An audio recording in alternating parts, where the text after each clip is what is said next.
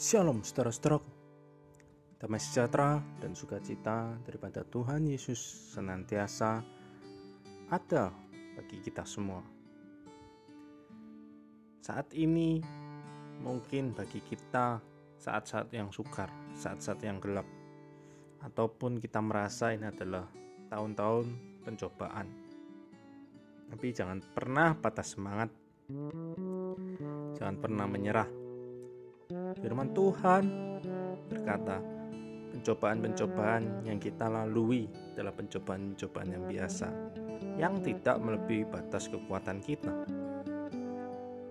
Tuhan senantiasa ada, setia bersama dengan kita. Oleh karena itu, Tuhan tidak akan membiarkan kita berjalan sendiri di dalam masa pencobaan ini.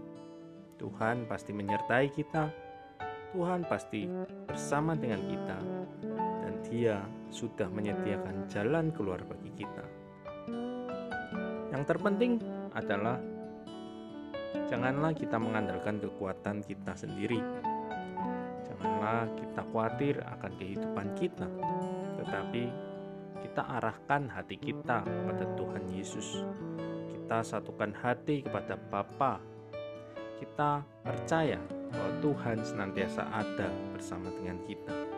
Arahkan pandangan kita bukan pada situasi dan kondisi, tapi arahkan pandangan kita kepada firman Tuhan dan juga kepada Tuhan karena Dia pasti menyertai Tetap semangat saudara-saudara, sekalipun keadaan ekonomi sukar, keadaan kesehatan yang begitu mencekam saat ini, maupun keadaan apa pun kita alami saat ini pernah sekali-sekali kita marah pada Tuhan atau menyalahkan Tuhan karena keadaan ini.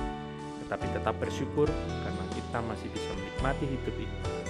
Dan percayalah ketika kita bersyukur, kita mengandalkan Tuhan, kita berjalan bersama Tuhan, apa pun pencobaannya, pasti bisa melaluinya dan kita pasti akan menuju pintu kemenangan bersama dengan Tuhan Yesus.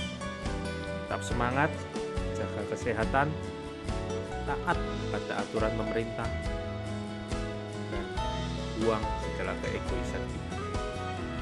Dan pancarkan kasih Tuhan buat sesama kita supaya kegelapan dunia ini semakin hari semakin lenyap terang Kristus semakin nampak Tuhan Yesus memberkati saudara-saudara semua.